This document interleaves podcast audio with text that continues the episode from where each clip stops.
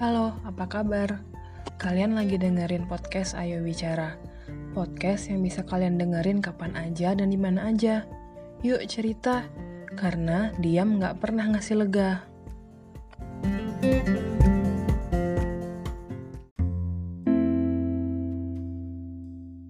Kamu pernah mikir nggak gimana masa tua nanti? Pernah ngebayangin nggak kamu bakal ditinggalin karena kesibukan anak-anakmu? Pernah nggak kamu ngebayangin sepinya hatimu yang sebenarnya pengen banget ditemenin sama anak-anak waktu tua nanti? Nyatanya, di hari tua nanti kamu akan ditinggal sendiri menghuni rumah yang kosong karena anakmu satu persatu telah pergi. Entah itu untuk bekerja atau bahkan merantau ke tempat yang non jauh di sana. Setiap hari kamu cuma bisa duduk sendirian di depan rumah, melihat ke jalanan yang sepi, berharap anak-anakmu pulang. Berharap rumah jadi rame lagi sama tawa canda mereka kayak dulu, hangat seperti saat mereka semua mulai bertumbuh. Hari-hari begitu indah, keceriaan mereka selalu meramaikan tempat kecil itu. Tapi yang terjadi malah sebaliknya. Mereka pergi tanpa kembali. Mereka sudah mulai sulit dihubungi Beribu alasan yang diberikan untuk membatalkan janji. Janji untuk kembali, janji untuk pulang dan mengisi kekosongan hari. Bunda, maaf ya, aku lagi sibuk. Nanti aku telepon lagi. Begitu kata mereka kalau kamu mau nelfon. Tapi sampai kamu tidur, gak ada satupun dering yang berbunyi lagi. Anak-anak melupa kalau punya janji sama kamu. Janji yang memang kecil, tapi kalau nggak ditepati, kecewanya setengah mati. Bayangin, itu yang terjadi sama kamu nanti. Kamu yang gak pernah memuliakan ayah dan bunda kamu di usia muda.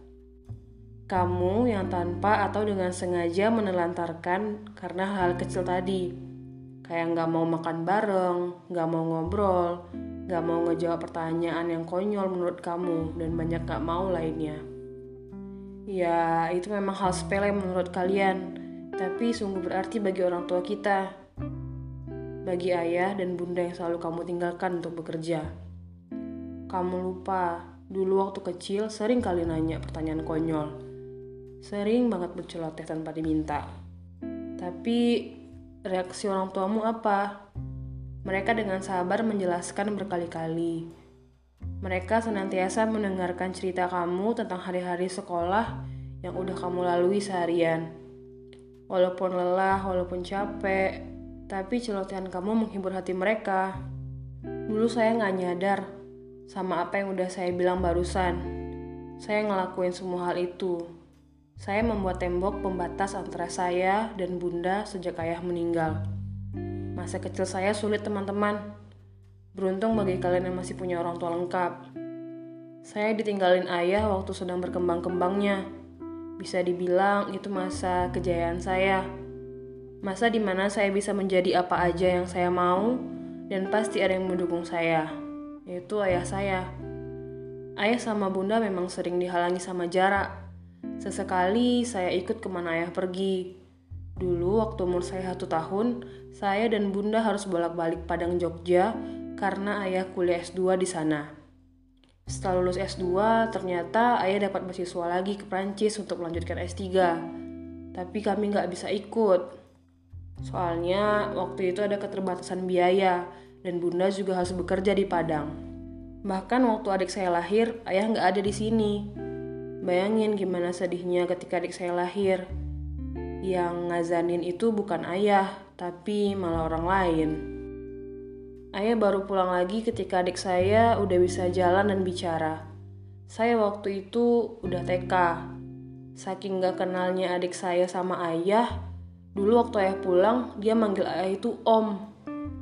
Saya sedih setiap kali dengar ini.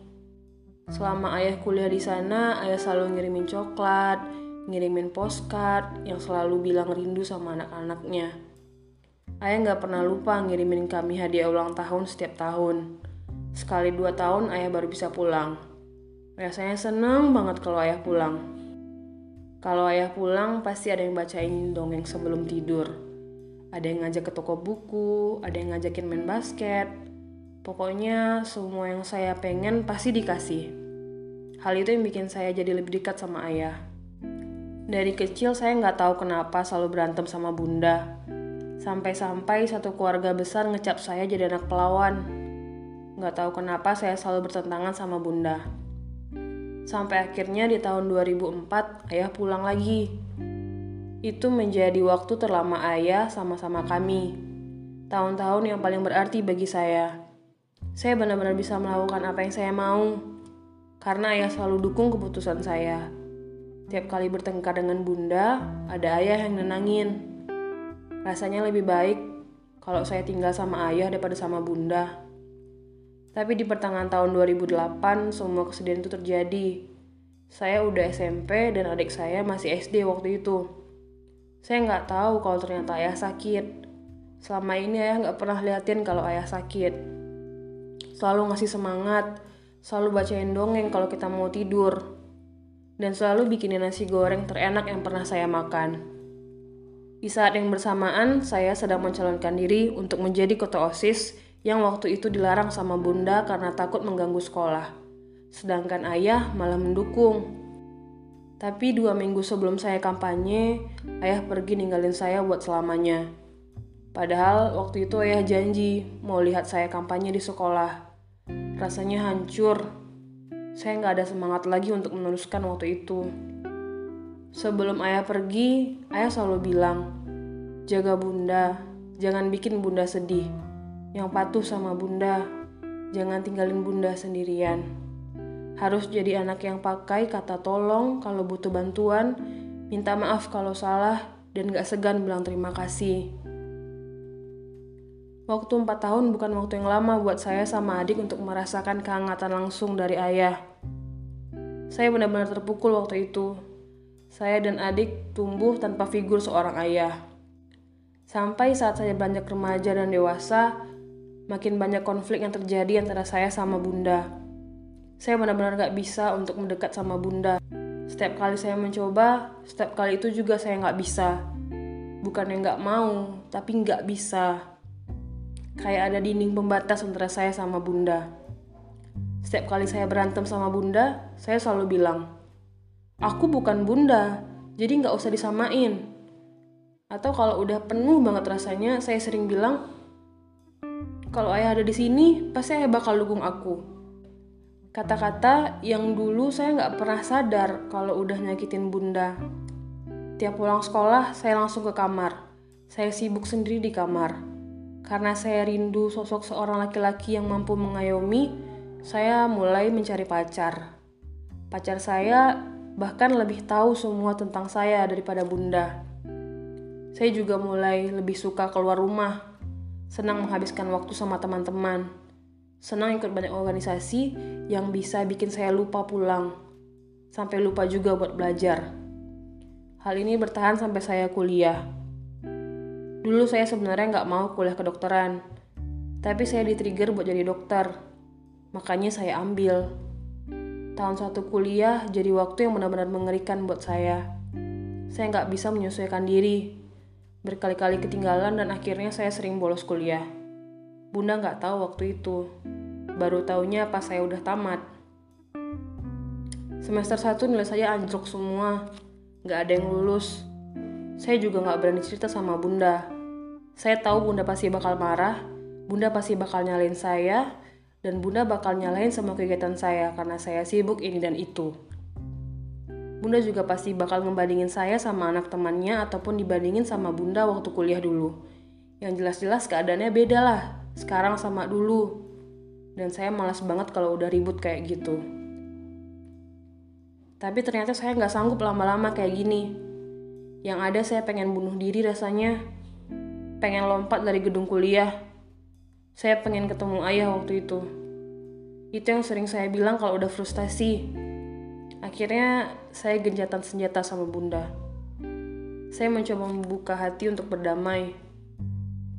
Untuk pertama kalinya saya merasakan lagi pelukan hangat bunda setelah sekian lama. Dan rasanya memang nyaman banget. Rasanya kayak ada sesuatu yang hilang terus kembali kayak ada yang kosong kemudian terisi. Bunda tahu saya kesulitan kuliah kedokteran. Bunda tahu saya frustasi. Saya sampai dibawa ke psikolog waktu itu. Saya ceritakan semuanya sama psikolog itu. Saya ceritain kalau ada hal yang gak bisa saya bagi sama bunda dan bunda gak akan ngerti.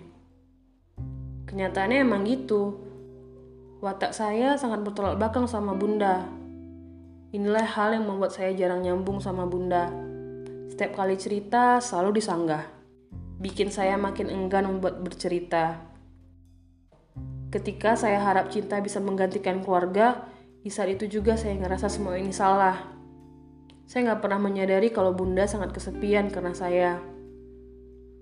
Bunda sampai sering bilang gini, Bunda punya anak perempuan, tapi rasanya nggak punya sama sekali. Pengen rasanya jalan-jalan sama kamu, belanja bareng, tapi kamu selalu sibuk sama dunia kamu sendiri. Kata-kata itu sangat membekas sama saya. Ya, saya memang hidup di dunia saya sendiri, sampai nggak sadar kalau ternyata bunda mulai sering sakit dan harus makan obat tiap hari. Saya anaknya seorang dokter, tapi nggak bisa ngejaga bunda. Sejak itu rasanya saya benar-benar ditampar karena keadaan. Setelah tahu bunda sakit, saya mulai mencoba berdamai. Mulai mencoba untuk mendekat dan membuka cerita. Dan ternyata lega rasanya. Saya yang membangun tembok pemisah itu, saya juga yang ngancurin. Saya yang dulu paling gak suka ditelepon bunda, gak suka ditanya kabar kalau lagi jauh, gak suka diapelin kalau lagi dinas daerah, sekarang jadi sering video call sama bunda, jadi sering chattingan. Dan rasanya hidup saya jadi lebih tenang. Saya kembali merasakan kehangatan itu. Saya juga gak gengsi lagi buat nangis di depan bunda kalau saya nggak ngalamin hidup berat kayak gitu, saya nggak akan jadi seperti yang sekarang. Saya tahu jadi single parents itu nggak mudah, juga buat anak-anaknya. Ditinggal salah satu orang tua ketika anaknya sedang bertumbuh itu bukan main sulitnya. Dan saya bangga bisa melewati itu semua. Saya sadar kalau setiap orang tua pasti punya alasan melakukan sesuatu pada anaknya. Entah itu untuk mendidik ataupun memberikan punishment. Kalau kita juga akan punya anak. Sadarlah bahwa anak kita akan melihat bagaimana kita memperlakukan orang tua kita. Jangan kira mereka nggak akan bisa seperti kita nanti. Kalau anak-anak selalu melihat kita kasar sama kakek neneknya, jangan sedih kalau kamu diperlakukan dengan hal yang sama. Karena dunia ini penuh dengan karma. Maka dari itu berbaktilah pada orang tuamu selagi mereka masih ada. Kalau mereka udah nggak ada, mau peluk siapa kalau kamu rindu? Jangan lupa peluk ayah sama bunda kamu ya hari ini. Bilang I love you ke mereka. Kasih tahu kalau kamu benar-benar sayang banget sama mereka. Oke? Okay?